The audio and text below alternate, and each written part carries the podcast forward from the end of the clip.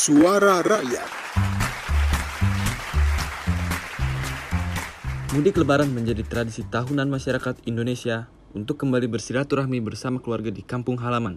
Menurut survei yang dilakukan pemerintah melalui Badan Kebijakan Transportasi, diperkirakan ada sebanyak 123 juta lebih orang yang akan melaksanakan perjalanan mudik Lebaran tahun ini atau naik sebanyak 14,2 persen dari tahun lalu.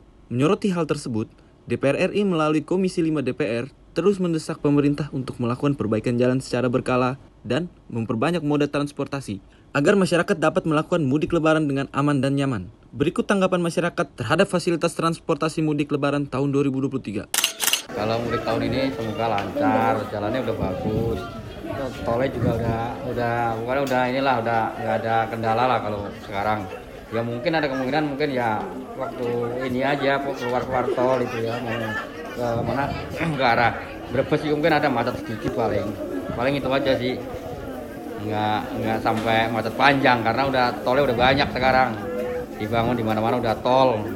Harapannya pemerintah ya semoga apanya lebih ditingkatkan lagi lah maupun namanya jalan tol yang yang istilahnya yang masih kurang di daerah Sumatera di daerah mana yuk di daerah Papua supaya ada ada tol yang lebih bagus lagi seperti jangan Jawa doang Jawa kan udah udah banyak tolnya udah udah masuk udah sampai ke mana Surabaya dan sekarang daerah-daerah yang terpencil yang di, diutamakan Nama saya Maimunah.